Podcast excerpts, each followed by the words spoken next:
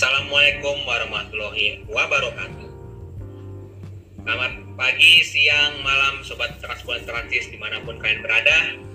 Oras, ahoy, jua-jua, menjua-jua. Oke, pada episode kali ini, Awa nggak sendiri aja nih, Awa bersama Haikal dan Raffi.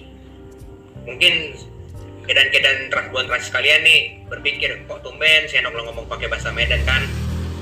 Ya dong, karena episode kali ini sangat spesial banget karena kita membahas divisi regional satu Sumatera atau lebih singkat Ibra 1 yang meliputi Sumatera Utara dan Nanggro Aceh Darussalam.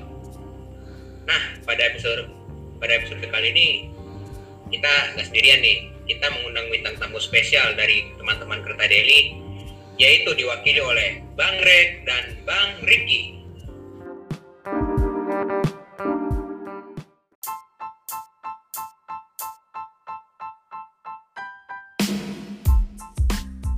Oke ini Transpro dan Transis kita sudah bergabung bersama Om Greg dan Mas Riki uh, dari kita kita bahas soal sejarah perkereta apian di daerah Sumatera Utara dan Aceh atau bisa dibilang pantai timurnya Sumatera gitu ya. Hal ini berkolaborasi dengan Kereta Delhi yaitu bagian dari di Fresh 1 Real Fans. Nah, boleh kenalan dulu dong nih Om uh, soal akun Kereta Daily ataupun soal akunnya di Fresh 1 Real Fans nih. Boleh, boleh. Baik, uh, salam buat uh, teman-teman Transpur dan Transis ya. Yoi. Baik, uh, salam kenal. Saya Greg. Saya Greg dari komunitas di Fresh 1 Real Fans di sini saya bersama dengan Mas Riki. Uh, kebetulan juga terima kasih ya, kami udah diajak untuk cerita-cerita nih. Karena hmm. memang uh, momen cerita-cerita itu kadang suka dicari gitu loh. Kalau pas saya dicari muncul, tapi kalau pas lagi dicari gak ada gitu kan. Nah, iya. terima kasih nih Mas Haikal udah ngajak kami untuk uh, cerita-cerita ya, khususnya terkait masalah perkereta apian di uh, Pantai Timur Sumatera. Iya. Ya, betul tadi Mas Haikal bilang Pantai Timur Sumatera karena uh, sejak Belanda masuk dulu dulu tuh Sumatera itu memang disebutnya seperti itu Sumatera Utara yang kita kenal sekarang itu sebetulnya untuk daerah Aceh Sumatera Utara gitu ya karena memang dia di utara nah Sumatera Utara sendiri yang hari ini Sumatera Utara itu sebenarnya berada di agak posisi timur dari untuk uh, Pulau Sumatera ya jadi sebutnya uh, Sumatera East Coast gitu loh yeah. timur Sumatera nah Uh, di sini saya bersama dengan Mas Riki akan uh, memperkenalkan diri dulu lah ya. Uh, kami dari komunitas Diversity Fans. Kebetulan uh, komunitas tersebut kami bertiga yang uh, membentuk. Jadi saya kemudian ada Mas Riki dan satu lagi Mas Tio. Cuman kebetulan untuk kesempatan kali ini uh, hanya kami berdua yang bisa uh, hadir dalam acara podcast bersama transport ini. Ya gitu. Jadi uh, sebagai perkenalan saja bahwasanya kereta Deli merupakan bagian dari uh, di satu di mana kereta Deli merupakan bagian yang bagian cerita-cerita sejarahnya lah seperti itu ya. Nah iya. Jadi kalau kalau kita cerita komunitas kan macam-macam lah ininya ya apa uh, skopnya mungkin ataupun uh, lingkupannya kemudian kegiatannya macam-macam. Cuman kalau kereta dalam ini mau khususkan pada cerita tentang sejarah khususnya kereta api di Pantai Timur Sumatera. Uh -uh. Mungkin gitu mas. Oke. Okay. Mas Riki atau, atau Mas Riki mungkin mau ada tambahan cerita mungkin mas karena Mas Riki juga suka cerita sebetulnya. Aduh ya sebelumnya saya terima kasih juga nih buat Mas Haikal sama Mas Ahmad Rafi yang udah undang saya juga untuk ikut di transport ini ya. Yep. Jadi seperti yang Mas Greg sampaikan tadi, uh, kereta Deli itu ya side projectnya lah ya dari Diversatural Fans yang mana komunitas Diversatural Fans ini kita bertiga yang bikin di hmm. tahun 2009. Oh, udah uh, sudah lama ya. Hmm, betul betul betul sudah. lama. Hampir 12 tahun dong ya. Hampir 12 tahun betul. Jadi bermula dari hobi kita yang sama nih dan kesenangan kita, kecintaan kita terhadap kereta. Ya. Yeah. Pada saat itu ya kita sering kumpul-kumpul kan, sering kumpul. Kemudian Mas Giri tuh, gimana tuh kalau kita bikin komunitas namanya apa Divres satu Railfans ya maksudnya Railfans dari Divres satu gitu kan Iya. Mas ya Tuh, biar sederhana biar gampang diinget aja sebenarnya. Ah, ah, ah. gampang diinget ya mulai dari dari situ di 1 Agustus 2009 di, di hari pertama kali kita kumpul-kumpul lah itu Mm-mm. Eh, kita dirikan komunitas pencinta kereta api Sumatera Utara yang sampai sekarang alhamdulillah masih eksis walaupun suka hilang juga sih ya, soalnya mengingat kita juga udah udah nggak di Medan lagi gitu ya. Sekarang eh, posisi saya di Jakarta, Mas Riki juga di Jakarta. Jadi Eh. yang salah satu pendirinya ya cuma Mas Rio aja yang ketinggalan di Medan sana gitu loh. ya kira-kira gitulah mas cerita eh, sedikit cerita tentang awal mula berdirinya di Fresh Natural Fans Oh. itu mas Aika Oke, kita lanjut masuk ke tema kita hari ini ya, Om ya. Hmm, mungkin izinkan saya mengawali pertanyaan dulu. Jadi begini Om, mengenai sejarah hadirnya perkereta apian di Pulau Sumatera itu kan berawalnya dari Medan. Eh, jadi mungkin bisa dijelasin nih Om tentang sejarah kereta di pesisir timur Sumatera khususnya di daerah Sumatera Utara sama Nanggro Aceh Darussalam. Oke baik Mas Rafi, ini pertanyaannya simpel tapi panjang nih ceritanya. Asik. Jadi Mulai- mulai kalau bercerita, untuk pulau, asik. pulau Sumatera sendiri ya, kereta api itu pertama kali bukan di Medan, Oh bukan ya? Bukan. tapi pertama kali itu justru malah di Aceh. Oh Aceh dulu dari dari utara dulu ya gitu ya. Aceh itu udah 1874 tahun 1874 itu sudah diusulkan. Oh. Tetapi oke. baru baru realisasi itu di 1876. Jadi memang ada jeda waktu 2 tahun karena memang eh, peralatan dan segala macamnya itu kan memang harus dibawa dari eh, luar ya. Heeh. Dari Malaysia, dari Singapura dan sekitarnya lah waktu itu. Oke. Nah, kemudian juga terkendala terkait masalah eh, ada kerja dan lain-lain. Itu ketika di Aceh ya. Hmm. Jadi 1876 itu diresmikan dan kemudian dulu Aceh itu justru malah lebar spurnya, lebar eh, gauge-nya itu adalah 1067 sama Betul. seperti standar sekarang. Betul, iya. Tetapi empat tahun kemudian ya itu diganti menjadi 750. Kenapa? Karena memang waktu itu kan eh, Aceh masih daerah konflik ya. Memang salah satu daerah yang Belanda itu kesulitan untuk menguasai adalah Aceh. Aceh, iya. Jadi di sana kereta api itu sebenarnya didedikasikan sebenarnya bukan buat eh, transportasi ya. Kalau kalau di Sumatera Utara itu kan Sumatera Utara itu kan untuk eh, perkebunan gitu ya. Mm-mm. Tapi kalau di Aceh itu memang untuk perang gitu loh, keperluan ah, transportasi tentara, mobilisasi dan sebagainya ya, logistik dan lain-lain seperti itu. Iya. Nah, jadi mereka itu me- eh, melakukan eh, pembangunan jalur kereta api itu dengan kemudian diubah menjadi jalur 750 mm itu karena memang itu adalah eh, kemudahannya yang mereka cari. Jadi relnya rel knockdown ya. Jadi kalau misalnya mau dipindah gampang aja dipindah gitu kan karena memang kecil. Dan Mm-mm, kemudian mm-mm. juga dibangunnya di sebelah jalan raya. Jadi seperti jalur tram. Oke. Kalau jalur tram itu kan rata-rata kan sebelah jalan ya, jalan Iya, raya ya atau iya. tengah jalan raya gitu kan. Nah, makanya disebut Aceh Tram dulu tuh.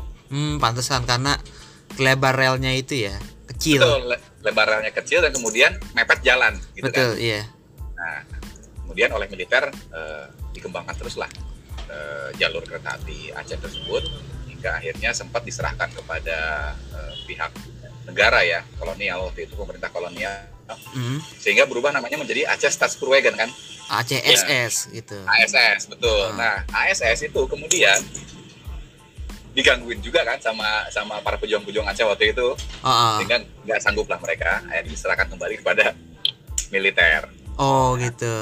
Iya kan? Sehingga tiba waktunya kemudian untuk diserahkan lagi kepada sipil. Jadi bolak-balik lah waktu itu pengelolaannya gitu ya. Ah, Tapi yang jelas waktu itu eh, memang fungsi utamanya adalah untuk perang.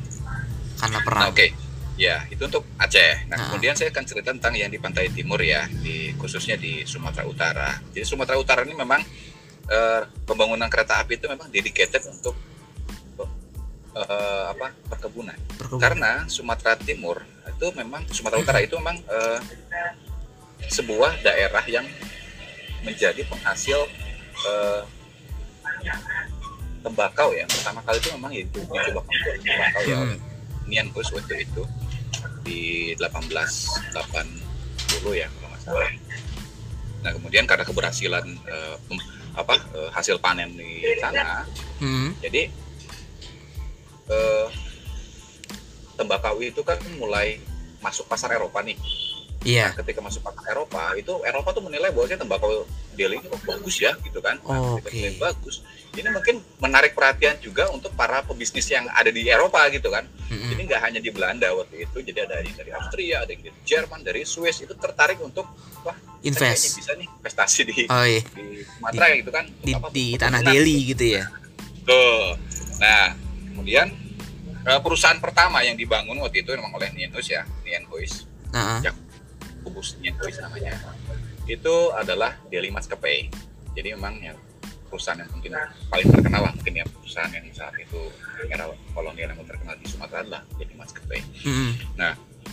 seiring dengan pembangunan uh, Delhi Maskapai ya per- seperti saya bilang tadi para pebisnis tadi kan juga ikut bangun juga nih nah setelah bangun-bangun di uh, perkebunan di Sumatera Timur otomatis mereka terkendala pada sebuah uh, permasalahan permasalahan untuk mengeluarkan barang itu gitu loh jadi misalnya mereka sudah tanam terus Ha-ha. kemudian panen gitu kan saat itu yang bisa digunakan itu hanyalah gerobak Gerobak. gerobak sapi ya atau kerbau kemudian eh, perahu ya lewat sungai Mm-mm. jadi opsinya terbatas dan kemudian eh, kapasitasnya juga kan kecil ya dan bermasalah lagi ketika hujan Oke. jangan jangan bayangkan kalau jalannya itu seperti jalan kayak sekarang gitu kan jalan keras Ini jalan asfal, tanah. gitu Lihat ya. lagi.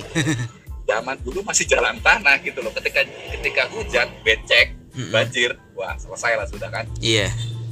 roda-roda gerobak selip dan lain sebagainya. Nah, jadi muncullah inisiatif dari uh, Delhi Maskapai sendiri, Mm-mm. khususnya dari administraturnya ya. Jadi waktu itu administraturnya itu ya, uh, Jacobus Nienhuis, cuman waktu itu dia sempat uh, disuruh pulang ke ke Belanda karena sebuah masalah. Kemudian digantikan oleh uh, Jacob Theodor Kramer.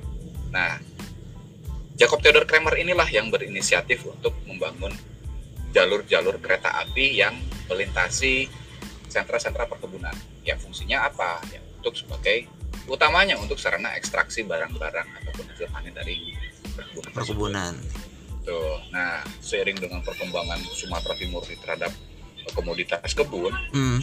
kan eh, pembangunan perkebunan itu kan mungkin eh, masih dekat dengan pelabuhan yang namanya Labuan Deli ya. Dulu pelabuhan utamanya Sumatera Timur itu adalah Labuan Deli. Belum Deli. Belawan. Bukan oh bukan Belawan ya. Kan, Belawan belum ada waktu itu. Oke. Nah, perkebunan itu sudah ada di sekitar Labuan Deli. Nah, jadi kalau awal-awal ya orang-orang pionir lah ya, orang-orang pionir pasti kan dapatnya dapat eh, jatah duluan yang deket-deket lah gitu ya. Iya. Nah, tapi kalau orang yang nyusul-nyusul pasti kan mulai ke tengah nih ya, mulai ke dalam gitu kan. Iya iya. Karena sarana transport makin terbatas dan sebagainya. Jadi makin makin jauh lah dari pelabuhan gitu Mm-mm. si perkebunan-perkebunan itu. Nah, kemudian berbarengan dengan itu, jadi eh, jalur ke- kereta api itu dibangun. Ketika perkebunan itu masuk makin dalam, jalur kereta api itu Mm, Oke. Ya, jadi memang eh, perluasan perpanjangan jalur kereta api ini pun memang eh, mengikuti lah, mengikuti eh, bagaimana perkembangan dari perkebunan itu sendiri. Oke. Jadi eh, berbagai macam komoditas di jalur kereta api itu dibangun sampai dalam. Ya sampai se- sebagaimana kita tahu sekarang ya, eh, mungkin eh, Mas Haikal sama Mas Arfi mungkin eh, tahu kalau misalnya jalur kereta api Sumatera Utara yang ada sekarang ini ya Mm-mm. itu sebetulnya ya jalur kereta api yang dibangun dari Belanda gitu. Betul. Iya. tambahannya tuh nggak banyak gitu karena mungkin banyak yang berkurang karena udah banyak yang non aktif karena sudah tidak eh, apa visible gitu. Sudah tidak ekonomis lah ya Mm-mm. di, di- jadi ya memang eh, kalau kita lihat sekarang sebenarnya nggak banyak perubahan dari yang zaman zamannya Belanda dulu kelola gitu zaman eranya DSM ya dari Spurweg Maskapai ya namanya Mm-mm.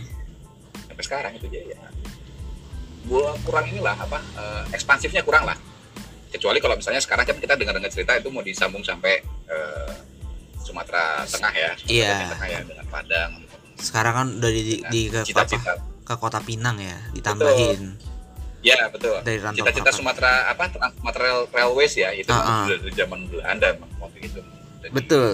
digulirkan cuma cuman waktu itu kepentok gara-gara masalah geografis juga sih salah satunya geografis dan biaya ya Heeh. geografis itu karena Sumatera ini kan kalau di Sumatera Utara sendiri itu memang cenderungnya rata Iya. konturnya gitu kan jadi memang eh, nggak terlalu banyak inilah apa naik turun. Tapi kalau mulai masuk menuju ke Sumatera bagian ke tengah, arah Sumatera Barat itu Ah. jajaran Bukit Barisan itu kan nggak main-main ya. benar itu benar memang harus harus di apa dia harus disiasati seperti apa. Nah dulu mungkin nggak sanggup karena terkait masalah biaya dan juga kesulitan-kesulitan teknis lah mungkin ya.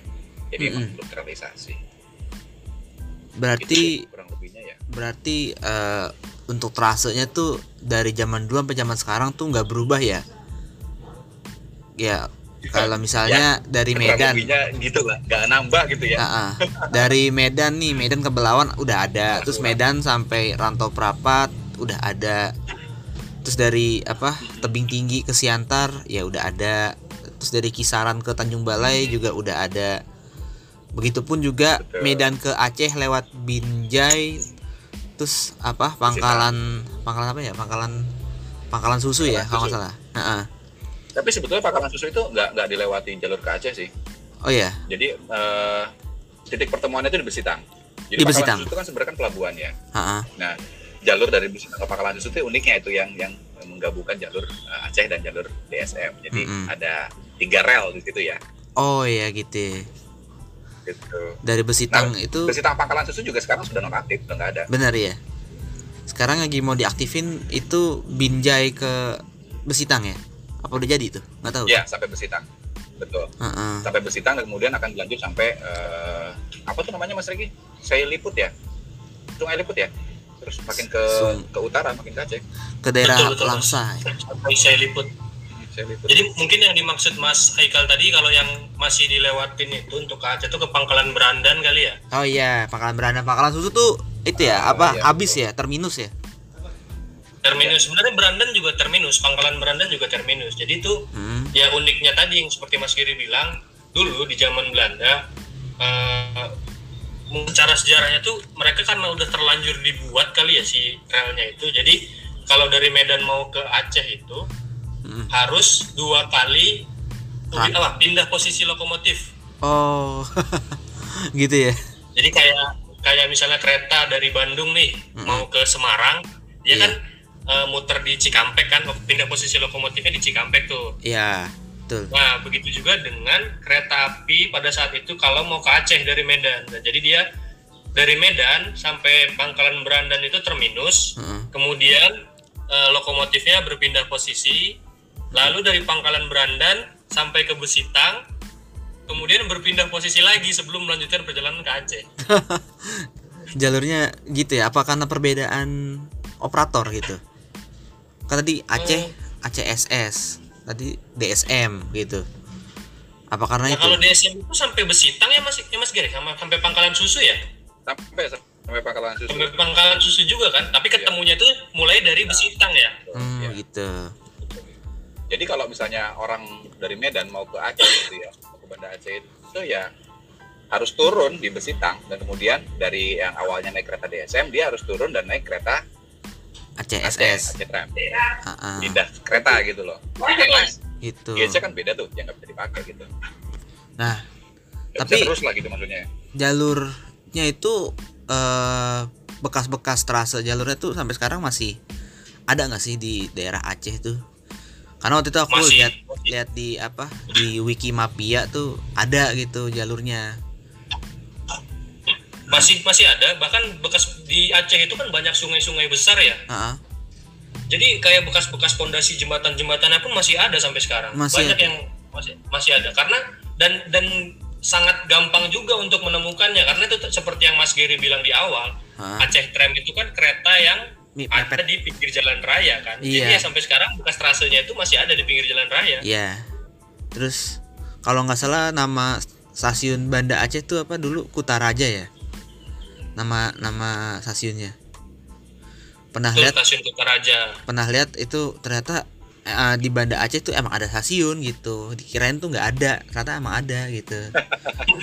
Ada, ada Bang Eka. Dulunya tapi ya kalau sekarang udah nggak ada. sekarang udah nggak ada Karena nggak ada, bekasnya mungkin tahu dah.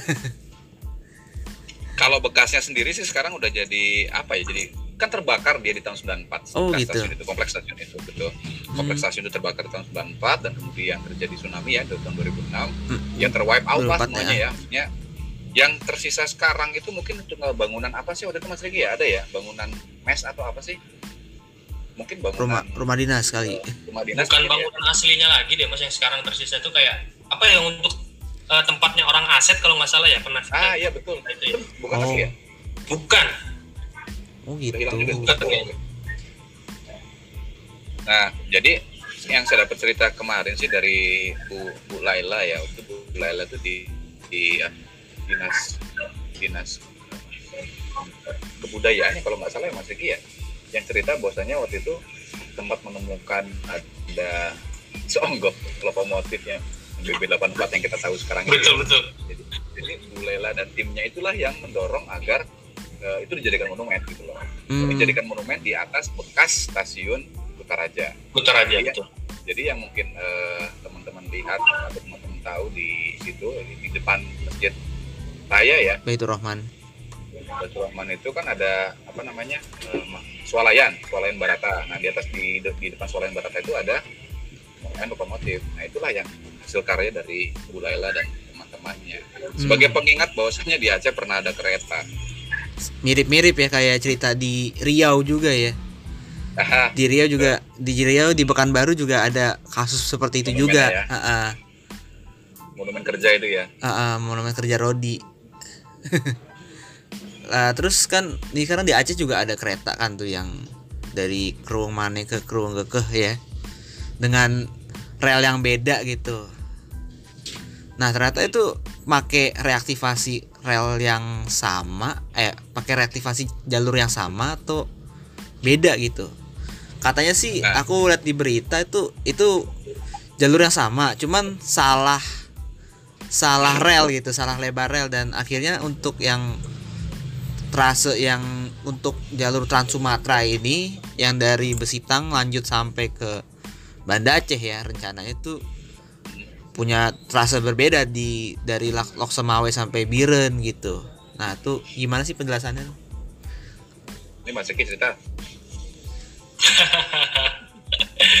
ini saya coba cerita dari sudut pandang saya yang pernah ke sana kali ya yang pernah ngelihat gitu kan Oke deh.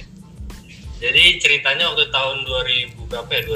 2016 sama 2017 tuh kita teman-teman dari Divres Satu Rail Fans juga pernah nelusurin dan pengen tahu tentang itu juga gitu loh. Jadi Mm-mm. gimana sih kelanjutan kereta api di Aceh ini kan gitu. Iya. Karena kan selama ini kita melihat eh, oh ada reaktivasi nih kereta apinya direaktivasi sampai ke Aceh. Kemudian Iya. oh yang kereta perintisnya yang dengan yang menggunakan lebar rel yang berbeda juga katanya udah jalan nih. Jadi kita ke sana untuk melihat itu. Heeh, heeh. Nah, jadi kalau untuk kereta yang dari Kreng Mane sampai Kreng Geke yang sekarang itu juga udah jalan ya, tiap hari jalan, jaraknya itu kurang lebih 11 km. Iya. Nah, dia menggunakan trase lama yang berada di pinggir jalan dan di pinggir pantai. Ah, ah, ah. Nah, kemudian eh, untuk Mm-mm. sampai ke Biren itu dia nggak menggunakan trase yang baru, tapi dengan lebar rel yang 1435 juga. Iya, itu. Nah, nah berbeda dengan trase yang Trans Sumatera, jadi nanti dia dia juga akan lewat trase yang baru lagi tuh kalau yang Trans Sumatera. Ah, Karena kalau Trans Sumatera ini mulai dari yang Sungai Liput aja menuju ke kota Kuala Simpang dia udah menggunakan trase yang baru tuh, nggak pakai trase bekas Aceh Tram lagi. Iya, katanya gitu sih. Katanya eh, lebih ke lebih ke selatan gitu ya, lebih ke tengah gitu, nggak di pinggir, nggak di pinggir karena, jalan. Karena, karena apa? Karena dia kalau pakai trasenya Aceh Tram, Iya. akan ada di pinggir jalan. Betul. dan Seperti udah nggak memungkinkan lagi di era sekarang untuk menggunakan trase itu Mm-mm. karena jalan raya Medan Banda Aceh itu lebar kemudian juga kan dilewatin oleh bis-bis. bus Uh-uh. truk gitu kan nah kalau misalnya jalur Trans Sumatera tetap pakai rute yang melewati jalan raya kan nggak akan mungkin bisa optimal nanti kecepatannya kereta Iya. keretanya sendiri kan Betul. gitu sih jadi berdasarkan pengetahuan kami yang pernah ke sana dan ngelihat ya kira-kira seperti itulah gambarannya Nah, ah. jadi Saya kasih tambahan sedikit ya Oke, eh, oke. terkait itu sendiri. Jadi memang eh, sebagaimana kita ketahui sekarang di sana udah ada jalur yang sampai mana tadi Kruang Mane Kerenggekeh ya. Nah jadi ceritanya dulu kan memang 1435 itu kan karena kita dapat hibah hibah bantuan ya dari Prancis ya. Betul, SNCF. iya cerita gitu. Memang Itu memang waktu itu jalur standarnya di Eropa sana kan memang 1435. Heeh. Kenapa 1435? Katanya sih supaya nanti kalau misalnya Trans Sumatera Railway itu udah siap untuk apa kereta berkecepatan tinggi, ini udah Ha-ha. jadi nih. Iya. Bagian 1435 gitu ceritanya. Tapi kan kemudian berlanjutlah dengan rencana yang kita laksanakan sendiri. Nah, Mm-mm. Trans Sumatera Railway itu memang seperti yang masih kita disampaikan, tetap akan pakai jalur ukuran 1067. 1067. Nah, jadi nanti jalur yang 1435 ini cuma jadi jalur cabang gitu Mas Riki ya. Iya, Jalur cabang aja. Jalur komuter katanya ya. Nah, betul betul jadi untuk jalur yang uh, Trans Sumatera Railway-nya tetap agak ke selatan atau Iya. agak ke tengah lah. Iya, Betul. itu. nah betul betul betul Betul.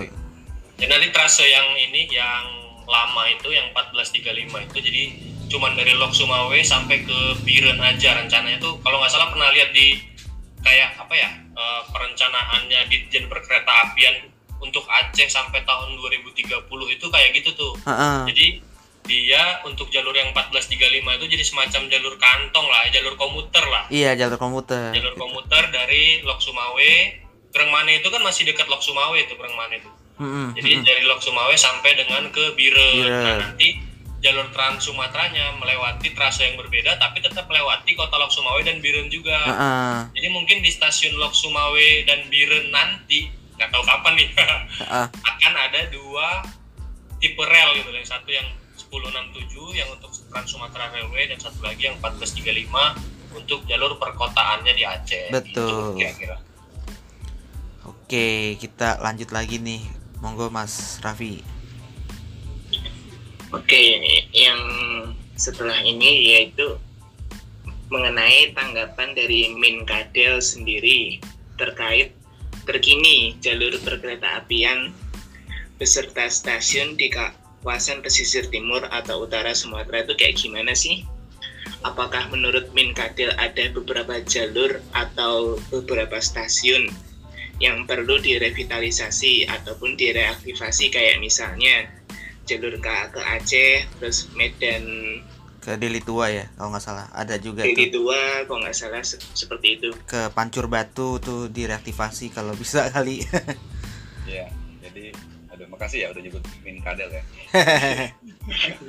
Kalau terkait eh, ke Aceh sendiri ya emang itu kan termasuk dalam rencana strategis nasional ya. iya. Kalau memang eh, rencana Trans Sumatera Railway ini akan dijalankan otomatis pasti jalur-jalur utama ya mainline yang akan dibangun itu ya harusnya memang dari Aceh ke Medan sampai ke Lampung sana kan gitu ya. Heeh. Nah, tapi kalau misalnya kita bicara tentang yang di Sumatera Utara sendiri terkait eh, jalur-jalur cabang lah ya yang dulu sudah pernah aktif namun sekarang sudah non aktif. Saya cerita sedikit ya. Jadi memang ada beberapa jalur di mana di Sumatera Utara yang mas sekarang sudah non aktif. Contohnya seperti tadi yang disampaikan sama Mas Eka sama tadi bahwasanya Medan Medel Tua ya Medan Pancur Batu itu sudah sudah aktif. Kenapa Iya. sudah aktif? Sampai ke mana ya? Ke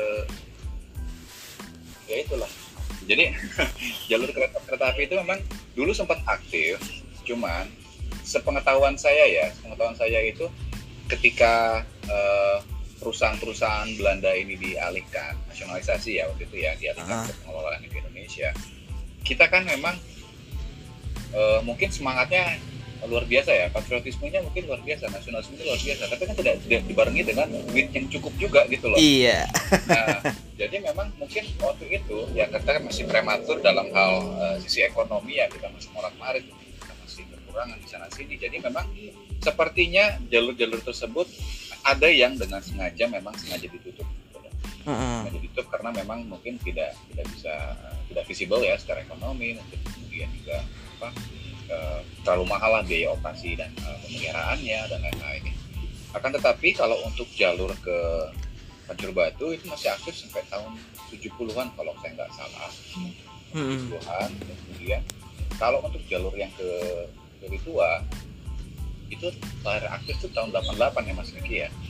kayaknya Pancur Batu sama Deli Tua yang oh ini mas apa kalau lihat dari buku itu loh mas buku yang Mas Giri kasih ke saya tuh yang apa stasiun dan jembatan di Sumatera itu ya stasiun stasiun ya, kalau di buku itu di tahun 95 masih dilewatin loh itu yang ke Deli Tua dan Pancur Batu Oleh kereta.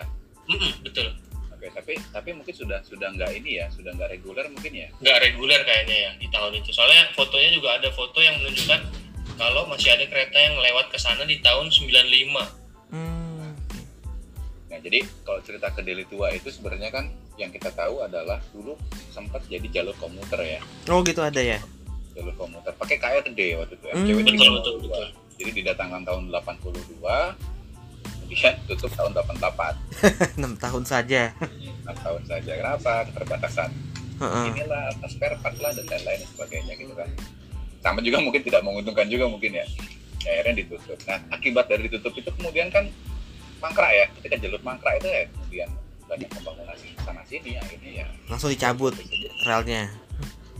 kalau ke yang de- ke Deli Tua itu masih banyak yang eksis loh malah jadi gang sekarang Oh iya, di di itu Jadi ditutup di gang ya. itu ada relnya gitu Oh, masih ditutup ada ya? relnya bahkan stasiunnya masih ada stasiun Kampung Baru ya maksudnya ya Kampung Baru ya nggak salah Itu lewat Polonia ya, lewat Istana Maimun juga ya.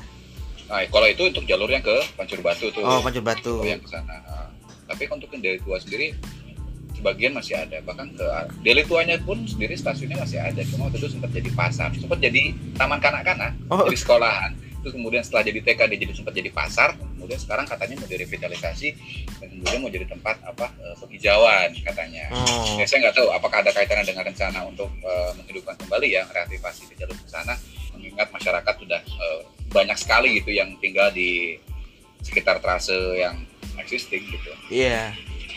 Nah, kalau pendapat saya sendiri terkait itu ya, ya sebetulnya waktu itu kami sempat optimis sih dengan kehadiran Sri Lawangsa ya. Buat set KRDE Sri Lawangsa ini merupakan sebuah optimisme. Kenapa? Wah, asik kita punya lagi nih jalur-jalur komuter gitu kan. Heeh. Tapi itu kan yang dilayani kan sampai Belawan, ke Binjai, kemudian ke Tebing Tinggi.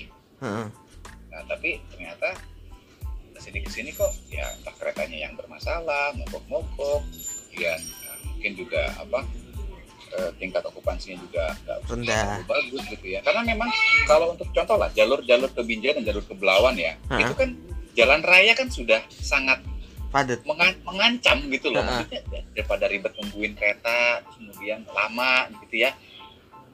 Naik angkot aja lebih cepet loh. Nah, jadi mungkin kalah juga di sana. Yang yang kita ketahui waktu itu ya Mas Riki, ketika pas Sri Lawang sama masuk itu itu malah jadi jalur wisata gitu loh. Naik kereta api itu buat jalan-jalan, bukan buat buat komputer gitu pada pada hakikatnya gitu kan. Itu buat jalan-jalan. Ya termasuk kami lah, kami yang suka jalan-jalan naik kereta kami juga ikut juga gitu kan. Tapi menurut saya sekarang ya, kalau kita ingin mengembangkan jalur kereta api di Sumatera Utara, Heeh. yang harus di harus diwaspadai yang harus di ini pikirkan serius oleh para pengambil keputusannya adalah jalan raya Jalan raya, kenapa tuh? termasuk jalan tol sekarang. Nah, Nah keberadaan jalan tol ini sekarang nih, aduh ya ampun, mungkin itu sudah sangat berdampak ya Mas Riki ya heeh. terhadap apa eh, kecepatan waktu tempuh ya, betul betul betul kemudahan. Coba kalau misalnya kita sekarang naik bis lah, kita naik bis mau ke Tanjung Balai gitu misalnya Mas Riki atau ke tebing tinggi aja deh gitu ya. Iya, ada tol. nggak perlu ribet. Kalau sekarang kan memang lagi masanya pandemi ya, tapi ya kebanyakan masyarakat itu kan juga ketika mendapatkan beban tambahan untuk misalnya memeriksakan genos lah atau misalnya antigen itu kan tambahan ongkos ya. Iya. Jadi daripada begitu ya saya lebih lebih baik saya naik kendaraan yang lain saja lah, opsi lain. Gitu. Ya seperti sepertinya menurut saya itu akan menjadi ancaman ya jalan tol terutama dan eh, armada-armada eh, transportasi yang lain bis dan lain-lain itu. Oke, tapi balik lagi nih, eh, tujuannya eh, Belanda gitu bangun jalur cabang kayak tadi itu kan ke Belawan pasti untuk eh, itu dong logistik dong, Mhm. kayak ke Pancur Batu, terus ke mana Deli Tua, Ya. terus kayak ke daerah Siantar, terus Kisaran, Kisaran ke Tanjung Balai, mungkin Tanjung Balai juga untuk pelabuhan juga, Betul, sampai ke Rantau betul. itu tujuan utamanya pasti perkebunan gitu ya. Betul. bahkan Jadi- ada kan yang yang fotonya suka viral tuh yang hu- apa hutan rimbun terus ada rel gitu di Labuan Batu ya Ya betul. nah itu di masih apa? masih dipakai ya pabrik. Ya dipakai, tapi Ah. hanya untuk eh, Pabrik. apa? Untuk transportasi dari pabrik aja sebetulnya. Pabrik. jalur cabang ke pabrik itu kalau yang oh Tapi memang tempatnya instagramable banget lah gitu ya. iya iya sekarang nih ke Belawan tuh masih aktif gak sih Jalurnya aktif, Tapi Aktif. kalau transportasi angkutan untuk penumpang nggak ada. cuman barang doang Iya, karena memang itu titik utama ya sa- sementara ini ya. Kalau kecuali nanti kalau misalnya nanti Kuala Tanjung memang sudah mulai ya, udah, udah mulai jalan belum sih Mas Eki? udah jadi doang kan dari tebing tinggi ke apa ke belum mas belum belum Belum jalan ya, belum aktif ya. Belum. Jadi semua masih ke Belawan ya. Betul semua masih dibuang ke Belawan hmm, Nah, jadi outlet untuk komoditas untuk CPO tuh yang ke ya, perkebunan lah ya sekarang masih dibuang ke Belawan semuanya. Iya katanya mau bikin apa tuh yang eh bikin itu tuh eh, kereta apa yang kemarin di GPK 2021 tuh Dato apa? Yang oh Datuk Belambangan untuk Iya. kereta penumpangnya ya? Iya ke apa pelabuhan Tanjung apa yang di Kuala Tanjung. Kuala Tanjung ya Iya, belum jalan juga sampai sekarang tuh. belum cuman relnya udah jadi ya Baru namanya doang di GPK doang. Ya mungkin karena pandemi ini juga kali ya. iya rel relnya udah jadi kan tapi relnya Relnya udah jadi, tapi ya belum belum ada kereta yang jalan sih ke sana. itu kalau itu kalau jalur ngomong soal kereta apa rel udah jadi itu jadi keringat bijak besita nggak sih? Proyek abadi tuh. Kenapa tuh? Sejak, sejak kapan kita dengar eh, jalur bijak besita kan sudah direaktivasi gitu ya. Heeh. Dan kemudian juga yang kami dengar waktu itu dari BTP Sumbawa semuanya itu akan segera di eh, resmikan gitu kan. Cuman kan keburu masuk pandemi nih, apakah ini berdampak eh, terkait itu juga gitu ya? Kita juga kurang tahu. Cuman sayang sekali sih, maksudnya relnya udah jadi, kemudian eh, stasiun-stasiun ini udah bagus-bagus gitu ya.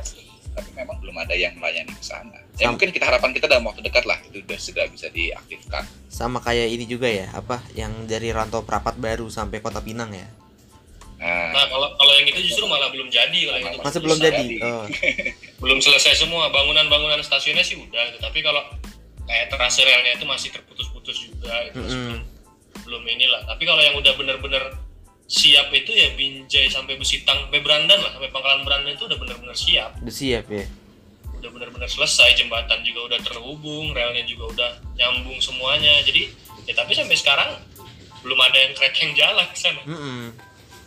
Itu Kuala Tanjung itu jalur baru ya? Kalau Kuala Tanjung jalur baru. Jalur itu, baru. itu kita sendiri tuh yang buat bukan Ah. dari zaman Belanda tuh. Bukan reaktivasi gitu ya? Bukan. Ya sama lah kayak jalur dari Aras Kabu Kuala Namu ke Indonesia ya. iya benar. Mungkin tadi ngomongin soal perbedaan jalan dari Medan ke tebing tinggi mending lewat tol atau lew- naik kereta api mungkin salah satunya kalau kereta api harus masuk ke Aras Kabu dulu gitu melengkung dulu gitu. Sementara kalau dari Medan amplas kan langsung ke tebing tinggi lurus aja gitu. Lewatin jalan nasional ya kan? Nggak usah via apa lubuk pakam segala macem gitu. Ya sederhananya sih lebih cepat Iya pasti gitu sih. Nah, kereta agak muter dulu gitu, muter ke Aras Kabu, ke baru ke Lubuk Pakam gitu, lewat Batang Huis.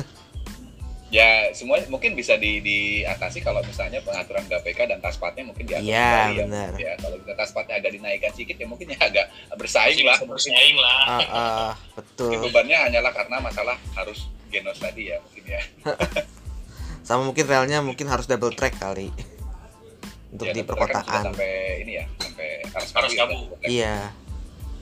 hanya untuk akomodir jalur kereta bandara sih. Nah terus nih eh tadi nih kalau ngomongin soal lini masa atau timelinenya nih dari era kolonial sampai ke sekarang nih itu tuh eh kalau bisa dibilang nih ya kan dari eranya DSM sampai KAI nih sekarang nih itu tuh armadanya yang berdinas tuh apa aja sih gitu loh. Kayak lokomotifnya atau jenis kereta penumpangnya kereta barang. Sampai sekarang tuh ada yang sama kah atau banyak perubahan kah gitu Eh, kalau terkait sarana ya. Iya. Kalau terkait sarana dari era DSM sampai hari ini ya praktis kalau untuk yang peninggalan era DSM sendiri mungkin udah nggak ada yang dipakai ya mungkin. udah nggak ada. Koreksi saya Mas Riki kalau saya salah ya. Setahu saya sih sudah nggak ada eh, jalur eh sorry sarana yang era DSM yang ada. Mas. Ada ada ada. Kereta penolong ya saya boleh nambahin ada. Ada. Apa itu kereta Sultan ya Apa iya tapi kan itu sekali juga keluarnya Itu maksudnya bukan yang bukan yang masih reguler dipakai gitu benar ya benar benar benar kereta sultan apa tuh punya Jadi sultan gini, Delhi kereta sultan itu adalah kereta yang diberikan oleh DSM Heeh. kepada Sultan Delhi. Sultan Khusus Delhi. Kepada Sultan Delhi. Iya betul. Jadi selaku penguasa tanah Delhi waktu itu eh, untuk transportasi eh, Sultan Delhi itu DSM memberikan Heeh. dua dua kali kasih sebetulnya. jadi jadi untuk yang pertama pertama itu memang eh, gandar gandar satu gandar dua ya. Kemudian yang kemudian yang baru ini yang yang maksudnya yang baru itu tahun 1932 itu yang sampai sekarang masih dipertahankan. Kalau yang pertama udah nggak ada. Kalau yang sekarang ini yang disebut kereta Sultan Sultan Hmm. satu masih ada di Pulau Brayan. Tapi ya sekarang nggak pernah keluar sih. Di Balayasa Pulau Brayan ya. Ya, di dalam Balai- balai asa Pulau Brayan. Heeh. Nah, kalau sarana yang lain apa? Lokomotif ya udah nggak ada. Lokomotif yang bisa kita lihat sekarang yang masih tersisa adalah yang jadi eh, monumen. Di Monumen. depan stasiun Medan, monumen di dalam kompleks Balai Pulau Brayan, sama monumen yang ada di dalam Museum Transportasi Taman Mini. Di situ ada tiga unit lokomotif eh, DSM yang dibawa dari Medan. Jadi, Jadi memang waktu itu kalau saya baca-baca saya cari tahu sih waktu itu memang itu adalah tiga lokomotif terakhir yang masih aktif iya. di Sumut yang dibawa ke Taman Mini. Hmm, gitu. Lokomotif uap ya. Ya, lokomotif uap. Sedang kalau yang lain nggak ada ya. Nah, waktu itu kita juga sempat apa di Sumut sempat kedatangan apa BB 300 ya, Mas Riki ya. Heeh. 14 unit. Betul. BB 300. Cuman sisanya nggak ada. Sampai sekarang udah nggak ada, nggak ada yang kelihatan. Terakhir kali yang kami lihat dokumentasinya itu adalah dokumentasi dari Mas Paulus Sony Gumilang. Itu Mas Hilang juga. Dari IRPS Tahun ya. 2006 tuh, Mas. 2006 ya itu sempat melakukan kunjungan lah dari IRPS ke Divres 1 termasuk salah satunya adalah mengunjungi ke Balai Yasa nah di situ dia sempat memfoto si Si eh, BB 300. itu gitu. Bangkainya lah ya, bangkainya. iya nah kemudian eh, beralih lah mungkin akhirnya ke masa eh, pengelolaan Indonesia ya karena pengelolaan Indonesia pun ya kita memang masih melakukan impor kan tapi impor pun ya utamanya itu memang diutamakan untuk Pulau Jawa. Jadi yang Iya. Itu memang memang apa ya anak bawang lah mungkin ya. Saya sempat baca sebuah artikel di Kompas ya tahun 70 80-an lah ya, bunyinya begitu. Kalau sumut-sumut ini emang anak bawang tapi nggak boleh cengeng katanya seperti Oh. itu ya.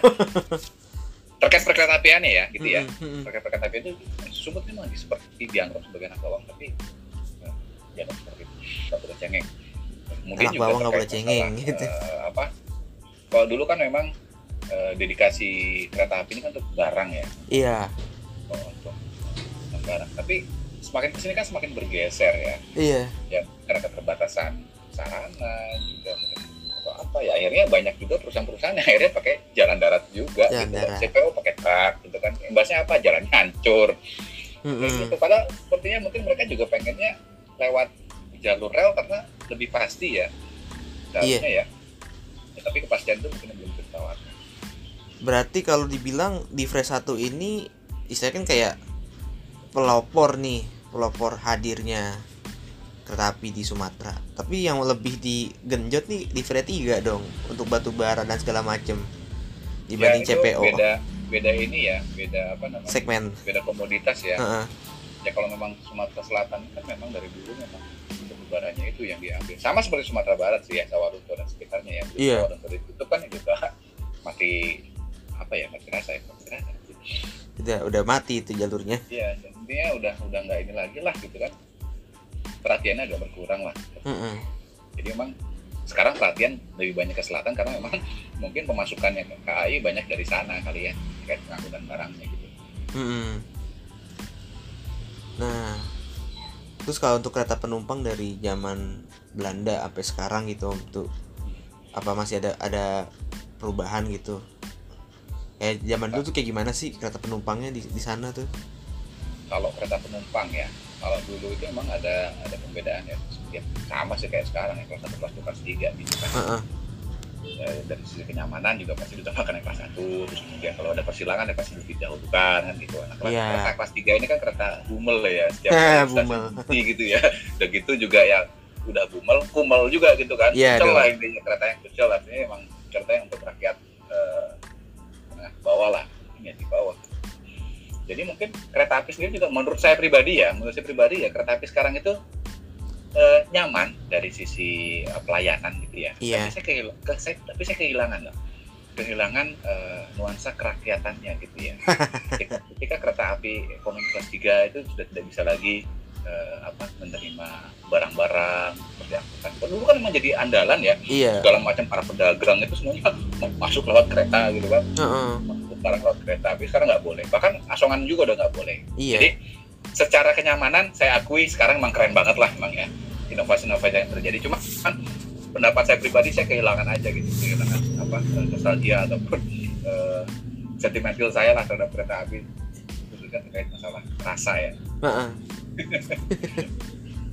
Berarti eh, untuk pelayanan memang eh, lebih meningkat. Bukan Cuman sekarang bagus, bagus saya bilang. iya. Ya kok syukur-syukur kalau bisa lebih bagus lagi kan, lebih cepat maksudnya, lebih cepat apa eh, jadwalnya, JPK-nya, taspatnya mungkin bisa disesuaikan lagi. Mm-mm, mm-mm, benar. Karena persaingan ini tidak pernah berhenti. Dari dulu memang selalu saingannya selalu dengan roda karet. Karet. Zaman Belanda dulu pun. Jadi eh, saya kasih tahu ya ceritanya begini. Mm-mm. Belawan itu dulu yang bangun itu DSM. DSM. Jadi memang itu jalurnya yang jalur nyampe ke Belawan itu adalah jalur kereta api tok. Nggak ada jalan raya. Nggak ada. Karena jalan raya itu dibangun setelah jalan rel ada gitu kan. Belawan. Oh gitu, iya. Kemudian ketika jalan jalan eh, raya dibuat dibangun, artinya kan mobil udah mulai masuk, angkutan umum sudah mulai ada gitu kan. Iya. DSM mulai terganggu dengan keberadaan transportasi lain itu. Mm-mm. Nah, sehingga waktu itu mereka sempat sempat akan membuat elektrifikasi jalur Heeh. Medan Belawan. Sama kayak di Jakarta, Bogor gitu contohnya dulu. Bahkan lebih dulu, usulnya, idenya itu bahkan lebih duluan dibanding eh, Batavia ke Bogor. Wah, gitu. Tapi nggak jadi, kenapa tuh? nggak jadi. Karena waktu itu eh, sempat muncul yang kereta diesel itu loh. Oh gitu. Jadi dengan keberadaan kereta diesel nggak perlu lagi investasi segitu mahal gitu ya untuk pembangunan jalur elektrifikasi, nggak perlu bangun pembangkit dan lain-lain gitu kan. Iya. Ternyata dengan beli, beli kereta rel diesel ini cukup lah. Waktu itu sih sempat beli 10 unit kereta rel diesel yang melayani komuter juga itu. Komuter juga. dari Belawan, Medan, Jeli Tua, Bijay, eh Bijay nggak kayaknya. Jeli Tua sih setahu saya. Mm-mm. Jeli Tua Pasir Batu masih pakai si kereta rel diesel itu. Ini belum eranya MCW ya, ini masih eranya Belanda loh. Masih era Belanda ya. Betul. Saking ramainya itu. Nah, bahkan DSM sendiri juga mengembangkan ya eh, ini bisnis yang lain ya. Diversifikasi usaha, diversifikasi usaha mereka juga termasuk dengan menyediakan atau membangun sarana transportasi bis. Bis juga ada DSM. Nah, bis bis DSM. Oh. Dari waktu itu dari Medan sampai Brastagi. Oh, Oke. Jadi dulu Keren. DSM juga sempat punya rencana untuk bangun jalur kereta api dari Pancur Batu sampai Hmm. Brastagi. Itu kan jalur gunung ya. Oh lanjutannya gitu ke Tanah Karo gitu ya. Betul, sempat ada usulan itu. Cuman mungkin karena tidak visible, karena mungkin karena jalurnya terlalu ekstrim kali ya. Heeh. Jadi nggak jadi. Jadi mungkin akhirnya mereka mendorongnya dengan bentuk transportasi bis tadi. Heeh. Tapi bisa DSM itu. Nah terus kalau eh, dari Siantar itu tuh sejarahnya bisa ke Siantar itu apa terlanjut gitu ke Toba ke daerah Parapat gitu. Ya, ini menarik sih sebenarnya. Karena emang dari dulu kan Toba kan memang sebagai daerah wisata ya. Iya. DSM juga sempat punya itu apa rumah peristirahatan di sana. gitu. Oh gitu. Ada. Ya. Jadi memang eh, pembangunan jalur ke Siantar di tahun 90 itu memang sempat ada usulan rencana untuk menyambungkan sampai Toba. Parapat. Oh Parapat. Parapat kan di pinggir Danau Toba ya. Iya. Sempat ada cuman ya saya nggak tahu ya keburu Jepang masuk kali ya. Jadinya memang Benar, benar. di sana yang nggak nggak berlanjut gitu loh. Tapi kalau misalnya waktu itu sudah jadi, kayaknya keren juga gitu. Oh, ya. oh iya pasti rame dong. Tapi mengingat mengingat jalur itu jalur yang apa prospektif ya, khusus Hmm. terkait masalah wisata ya, kita tahu lah bahwasanya kan eh, Pak Presiden kita saat ini Joko Widodo itu kan memang menginginkan ada pembangunan apa lokasi-lokasi wisata Bali baru ya. Iya. KSPN. Adalah, eh, Danau Toba. Nah, tahu saya kan juga ada sekarang rencana untuk pembangunan. Begitu juga dengan tol gitu. Betul. Nah, Iya. saingan mata kan. Saingan, saingan. Betul. Mungkin akan lebih saingan lagi kalau misalnya bentuknya dinaikin jadi kereta cepat kali sih Om. Kalau untuk kereta biasa ya mungkin kalah terus gitu. Mungkin kalau kereta cepat ya bisa dibilang apa ya menang lah gitu. Bisa menang lah dengan kecepatan gitu. Oke lanjut lagi kita ke bahasin tadi nih. Aku masih penasaran nih soal kereta komuter di kawasan apa ya Medan Raya atau aglomerasi Medan Raya atau dibilang Mebidang lah gitu Nah itu kan memang sangat berpotensi gitu untuk kereta komuter perkotaan gitu ya. Tapi kalau misalnya di luar itu ya, selain kereta komuter perkotaan gitu, potensi industri sawit itu juga masih masih kenceng gak sih di Sumatera Utara ini nih? Baik, Ataupun ya ini tadi yang Toba. ceritanya Mas Mas Riki nih kayaknya soal soal komuter dan bidang ini nih. Nah, iya nih. Apa ada master plan-nya gitu? Mungkin kan kalau misalnya ngomong master plan dari zaman Belanda tuh master plan kan kalau lihat di Lawang Sewu tuh wah ada tuh master plannya SS dari Jawa, Sumatera, begitu juga di mana di Sulawesi ya. Nah, itu kan apa ya? Rencana itu buyar ketika krisis ekonomi tahun 30 1930 Great Depression. Ditambah pula Jepang masuk ya udah selesai lah gitu. Nah mungkin Mas Riki ada tambahan gitu untuk penjelasan ini. Kalau cerita komuter di eh, Mebidang lah ya Mebidang. Mebidang mulai dari Belawan Binjai kemudian Pancur Batu tadi Deli Tua sampai dengan mungkin Lubuk Pakam. Lubuk Pakam iya. Sebenarnya potensi untuk kereta api itu kalau menurut saya sangat besar ya. Hmm. contoh lah eh, untuk yang sekarang kereta komuter tuh cuman ada dari Medan ke Binjai. Sri Lawangsa ini menurut saya juga lucu gitu kan. Yang namanya komuter itu kan ya mungkin kalau bayangan kita yang tinggal di Jakarta yang hidup di Jakarta kayak eh, naik komuter itu bisa ke mana aja keliling kota udah gitu jarak antar stasiun juga tidak terlalu jauh Heeh. aksesnya mudah ba- berbagai macam hal lah tentang itu. Nah, kalau di Medan sendiri kan ya yang bisa kita ketahui sampai saat ini komuter tuh hanya ada satu tuh. iya Ada dari Medan ke Binjai dan itu pun berangkat dari stasiun Medan berhenti di stasiun Binjai gitu nggak nggak ada stasiun lainnya gitu betul Satu Jadi petak. Nggak ada, orang yang naik dari Diski nggak ada orang yang naik dari Sunggal. Padahal di zaman Belanda di situ ada stasiunnya loh. Ada halte gitu kecil. Ada hal- ada kalau Sunggal malah stasiun malah. Oh ada ada weselnya gitu? Ada stasiun juga ada stasiunnya juga. Hmm, oke. Jadi sebenarnya potensi komuter di Sumatera Utara di Medan lah ya khususnya itu sangat besar sebenarnya. Tapi ya itu tadi dari eranya kereta api KRD MCW itu ya Mas Kira ya, iya yang Batu Batu dan Deli Tua, yang ke Ya, juga sampai betul. Berandan malah pada saat itu.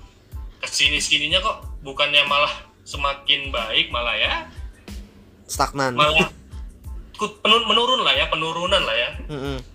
Nah itu sih, kalau menurut saya sih gitu. oke Padahal potensinya sangat besar, tapi ya belum dimanfaatkan dengan baik lah. Heeh. jadi Gitu.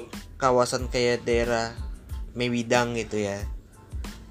Eh biasanya daerah-daerah ramai apa sih? Daerah Lubuk Pakam ya? Lubuk Pakam Daerah- terus Binjai rame, Lubuk Pakam juga rame, Tanjung Morawa Belawan gitu, juga rame. iya.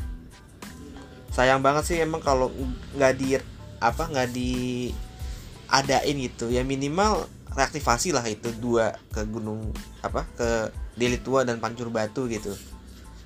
Betul, makanya saya bilang sebenarnya untuk wilayah Mebidang sendiri, Mm, penting seandainya kita punya kereta lokal aja kayak di Bandung gitu, wah itu Iya. sangat-sangat luar biasa itu dan saya yakin potensi penumpangnya juga pasti besar. Heeh, nggak nggak usah muluk-muluk Iya. apa apa elektrifikasi gitu ya KRD aja ya udah ya Betul, nampung betul. gitu ada KRD aja dari misalnya dari Lubuk Pakam ke Binjai terus bisa sampai Belawan dari Heeh. eh, Belawan juga bisa ke Lubuk Pakam itu kan wah pasti saya yakin akan sangat luar biasa potensi angkutan penumpangnya. Heeh. karena ya banyak orang yang kerja di Medan itu berasal dari sana. Orang yang kuliah di Medan itu berasal dari Binjai betul. dari Lubuk Pakam dari dari Tua Pancur Batu dari Belawan. Bener semua ketemunya di Medan ya itu tapi ya sayangnya itu tadi sampai sekarang tidak dimanfaatkan dengan baik. Nah itu masih apa ya kasarnya Jawa sentris lah gitu pengembangannya hmm, ya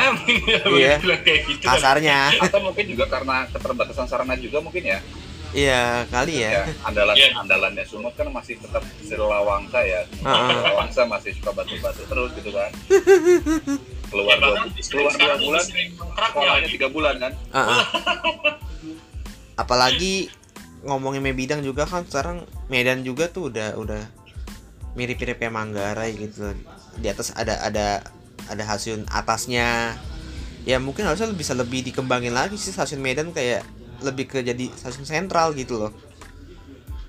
Se- sentral Ya, untuk harapannya sih- komuter. harapannya seperti itu. Jadi kayak pernah saya pernah lihat eh, di mana ya itu ya lupa. Di skyscraper city kalau nggak salah. Ah. jadi kayak ada master plan pengembangan stasiun Medan khususnya yang di atas itu loh. Heeh. jadi untuk saat ini kan kayak stasiun Medan itu masih di di atas ada untuk KA bandara di KA bandara. bawah untuk KA penumpang dan KA barang gitu kan. Iya. Karena depannya itu diharapkan kalau berdasarkan yang master plan itu ya Hmm. diharapkan nanti semua KA penumpang itu dari atas baik KA bandara ataupun KA perkotaan. Mm-mm. nah nanti di yang di jalur bawah itu masih tetap akan disisakan lah di sekitar tiga jalur kalau nggak salah. Heeh. nah itu untuk KA barang tuh. Ke barang gitu. Tuh tapi Jadi- kita nggak tahu nih realisasinya kapan. Iya ya juga sih beda juga kan kereta penumpang jarak jauh sama kereta penumpang apa namanya? Bandara. Bandara sama kereta penumpang ya apa eh, Komuter komuter gitu. Rencananya sih seperti itu cuman ya kita nggak tahu tuh realisasinya kapan. Ha, Nah, ya mungkin semoga bisa lah. akan terrealisasi atau enggak juga kita nggak tahu tuh. Iya ya semoga ya. Pengennya mas Jadi- segera aja ya. ini nggak Mas Riki? Ketika kita sempat apa baca dokumennya Jika ya waktu itu ya? Oh Nah, jika Jika itu kan sebenarnya sempat bikin visibility study untuk eh, apa jalur atas Medan itu udah sejak tahun 70-an mungkin ya. Hmm, betul betul. Memang Betul, lagi lagi banyak itu jika tahun 70 80 tapi di Ah, tahun itu betul. juga banyak juga rel-rel yang dimatiin. Itulah ada kecelakaan Mungkin sejarah juga. Jika tadi bang. Ada kecelakaan sejarah juga di situ ingat juga nggak soal cerita soal balon loop yang di Kebelawan tuh ya, untuk jalur Iya. orang ya? kenapa tuh? Dari dari itu tuh dari stasiun Mandala ex stasiun Mandala tuh dia nyabang tembusannya di stasiun Titipapan. Hmm, oke. Itu apa? Medan Loop? Jadi kayak kayak jalur ini loh jalur apa namanya? Jalur eh, dari Jatinegara yang ke Outer Ring Road. oh ya yang jalur yang ngelup gitu loh loop line loop. ya kayak gitu. Oh ada. Nah, jadi untuk barang tuh rencananya dulu zaman DSM malah ya mas ya kalau itu ya tahun 30-an apa ya? Iya. rencananya wah udah hebat. direncanakan seperti itu gitu loh. Berarti kan pemikiran mereka itu wow. Heeh. luar biasa mengantisipasi ininya. Termasuk juga rencananya SS bikin apa namanya bikin jalur tuh dari jalur layang. Eh baru direalisasi tahun 90-an yang Manggarai Kota. Kayak gitu juga. Iya, intinya adalah keburu apa tadi 1930-an ya, ada Iya, Great Depression ya, Great Depression sama pertama, Jepang masuk. gitu kan. buyar ya begitu juga waktu kita pernah kita ngobrol bareng sama uh, komunitas Pekanbaru Dead Railway ya gitu. rencananya bukan lewat Muaro Pekanbaru gitu malahan ke, ke arah lebih ke Jambi gitu akhirnya sama Jepang di di buru-buru lah ya, suka Ah. dia lah ya. dia acak-acak master plan-nya gitu dan udah gitu hasilnya juga ya nggak nggak bagus gitu cuman ala kadarnya. Ya cuma sekali pakai kan, kan, ah. udah udah selesai. Mengeluarkan tahanan-tahanan peran itu aja kan. bener. Selesai tanggal 15 Agustus tahun terus dua hari berikutnya merdeka. Habis itu nggak diakuin udah hilang. Hilang aja di, di- diambil ambilin besi oke nih kita masuk ke penghujung eh, acara podcast nih ya. Eh, untuk Om Greg dan Om Ricky nih kira-kira eh, punya harapan apa aja sih untuk perkereta apian di kawasan utara Pulau Sumatera atau pantai timur Sumatera itulah? Dan atau enggak sepulau Sumatera lah gitu. Apa itu kayak membangun konektivitas lewat reaktivasi dan revitalisasi serta pembangunan jalur KA baru yaitu kayak tadi Trans Sumatera Railway gitu ya. Atau ningkatin komoditas industri lain gitu kayak misalnya eh, CPO batu bara terus juga konektivitas ke antar pelabuhan gitu. Atau lebih ningkatin ini nih pelayanan untuk penumpang nih. Monggo dari Om Greg dan Om Ricky penjelasannya. Ya, cerita harapan banyak kepengen sebetulnya ya. Tapi intinya gini sih, ya sebagaimana tadi yang di awal juga saya ceritain, Ha-ha. kondisi jalur aja ya, jalur kereta api yang sekarang existing itu tuh Iya. tadi nggak jauh berbeda dengan era Belanda gitu kan. Jadi Betul. memang untuk membangun eh, jaringan kereta api itu kan membutuhkan biaya yang tidak sedikit ya. bener Kemudian juga dampaknya juga harus bahkan perhitungkan lah. Sebetulnya sumut ini masih sangat potensial untuk untuk eh, angkutan barang betul ya. Angkutan penumpang juga banyak sebenarnya tapi ya mungkin saya pikir karena memang tadi ya keterbatasan anggaran dan Iya, anggaran. memang, eh, kebijakan-kebijakan yang mungkin senantiasa berganti gitu ya ganti pemimpin ganti kebijakan apa gitu kan ya akhirnya tidak continue gitu loh apa sebuah grand design ataupun sebuah master plan untuk misalkan Trans Sumatera Railway. Ini udah berapa puluh tahun coba ini direncanakan gitu kan. Tapi kok entah lambat atau nggak tahu ya saya, saya merasanya lambat sih. Tapi kan pasti itu kan karena karena banyak banyak eh, faktor ya.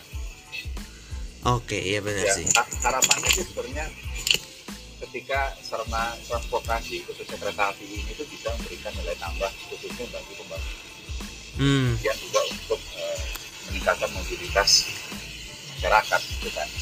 Jadi kita tahu sekarang eh, negara ini lebih banyak eh, cenderung membangun jalan tol gitu kan. Karena kalau jalan tol dan jalan raya itu sebenarnya ber- eh, memiliki efek ikutan gitu kan, efek ikutan seperti masyarakat yang eh, lebih banyak menggunakan mobil gitu kan, yang beli mobil gitu, di mana juga mungkin menjadi pemasukan juga buat negara. Kalau kereta api kan ya apa gitu, mungkin mengingat juga sekarang kita juga masih ada skema PSO ya untuk untuk layanan-layanan kereta api gitu ya. Saya Mm-mm. pikir ini tantangannya berat sih untuk untuk PT KAI untuk apa eh, mencapai visi visi ataupun misi-misi yang mereka sudah eh, cita-citakan gitu ya. Tapi harapannya tolonglah supaya kereta api ini tuh jangan Diper- dianggap sebelah mata gitu loh. diperhatikan Kita banget agar mungkin ya intermodal ya, maksudnya ya antara pesawat, antara bis, antara kereta api, kemudian bagaimana masyarakat bisa Heeh.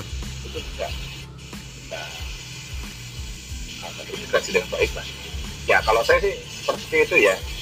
Contohnya dari yang tadi kita bicarakan adalah misalnya adalah eh, komuter, muter ya kereta api bisa menjadi eh, andalan gitu ya. Mm-mm. Kalau sekarang saya tidak melihat kereta api sebagai andalan ya, khususnya di Sumatera Utara ya. Kereta api itu bukan andalan, kereta api adalah pilihan. pilihan Iya, saya tidak melihat bosnya kalau misalnya saya mau saya mau naik apa nih? Wah, kita harus pakai kereta api. nih. Saya tidak melihat seperti itu. Gitu. Mm-mm. Karena misalnya kalau saya mau ke kantor rapat, kita mau ke kantor rapat gimana? Oh, ini mobil aja lah. oh. Walaupun saya saya suka kereta api ya, tapi saya memikirkan terkait masalah eh, apa kecepatan, kemudahan dan segala macamnya ya. Saya pribadi saya milih milih, ya saya mau mobil aja deh. Gitu loh. Mm-mm. ya saya sih berharap mu- mudah-mudahan suatu hari nanti mindset seperti yang saya punya ini bisa bisa saya bisa berubah gitu ya naik wah naik kereta api kenapa enak pokoknya lah iya pengen kayak gitu gitu ya mungkin gitu sih kalau dari saya ya monggo mas Riki kalau ditanya harapan wah banyak sekali karena ya itu tadi kita ini orang-orang yang sangat-sangat mencintai kereta api dan sangat ingin juga kereta api dan perkereta apian khususnya di wilayah Sumatera Utara lah ya, yang ingin maju lah. Ya contoh kayak yang mungkin dibilang Mas Giri tadi kalau sekarang aja kita mau ke tebing tinggi kalau ini dari via tol Medan tebing tinggi itu kurang dari satu jam kita bisa sampai sana gitu loh. Tapi kalau naik kereta api tuh bisa hampir dua jam kan itu Ah-ah. dari waktu tempuh aja kita udah males gitu jadinya. Dalam tanda kutip males ah lama naik kereta api gitu kan. Iya. lebih baik mobil aja deh gitu iya. Ya harapannya sih ya kayak kalau karena mungkin gini ya kalau saya membandingkan mungkin nggak usah jauh-jauh lah dengan di Jawa aja gitu kan. Di Jawa mungkin kereta keretanya bisa lari 100 lari 110 gitu kan. Ya harapannya di Divres satu juga pengen kayak gitu tuh supaya ya nggak nggak ketinggalan dengan moda transportasi yang lain. Mm-mm. dan banyak juga peminatnya. Kemudian kalau dari saya pribadi selain itu juga pengen komuter di kota Medan tuh kayak Jakarta gitu itu aja sih Iya. kalau saya yang Jadi, terpenting juga kita- komuter sih ya betul kita mau ke mana-mana tuh ah naik KRL aja misalnya gitu kan ah naik kereta aja ah. jadi pengen kayak gitu gitu loh saya sih itu aja mungkin Mas Aikal Oke, berarti banyak banget nih harapannya ya gitu. Ya semoga kalau pandangan kami sih lebih diperhatikan gitu ya, diperhatikan secara eh, menyeluruh gitu. betul betul Dan betul. juga eh, mengingat kereta ini tuh sesuatu transportasi yang dapat diandalkan gitu. Nggak apa-apa harus mobil, mobil, mobil gitu. Dan muat banyak kan gitu istilahnya kayak gitulah eh, kurang lebihnya yang bisa git- aku sampaikan gitu atas nama transport gitu tapi bahasan nih mantep nih om nih bahasannya dari kita ngomong sejarah sampai ke hal yang masa depan ini.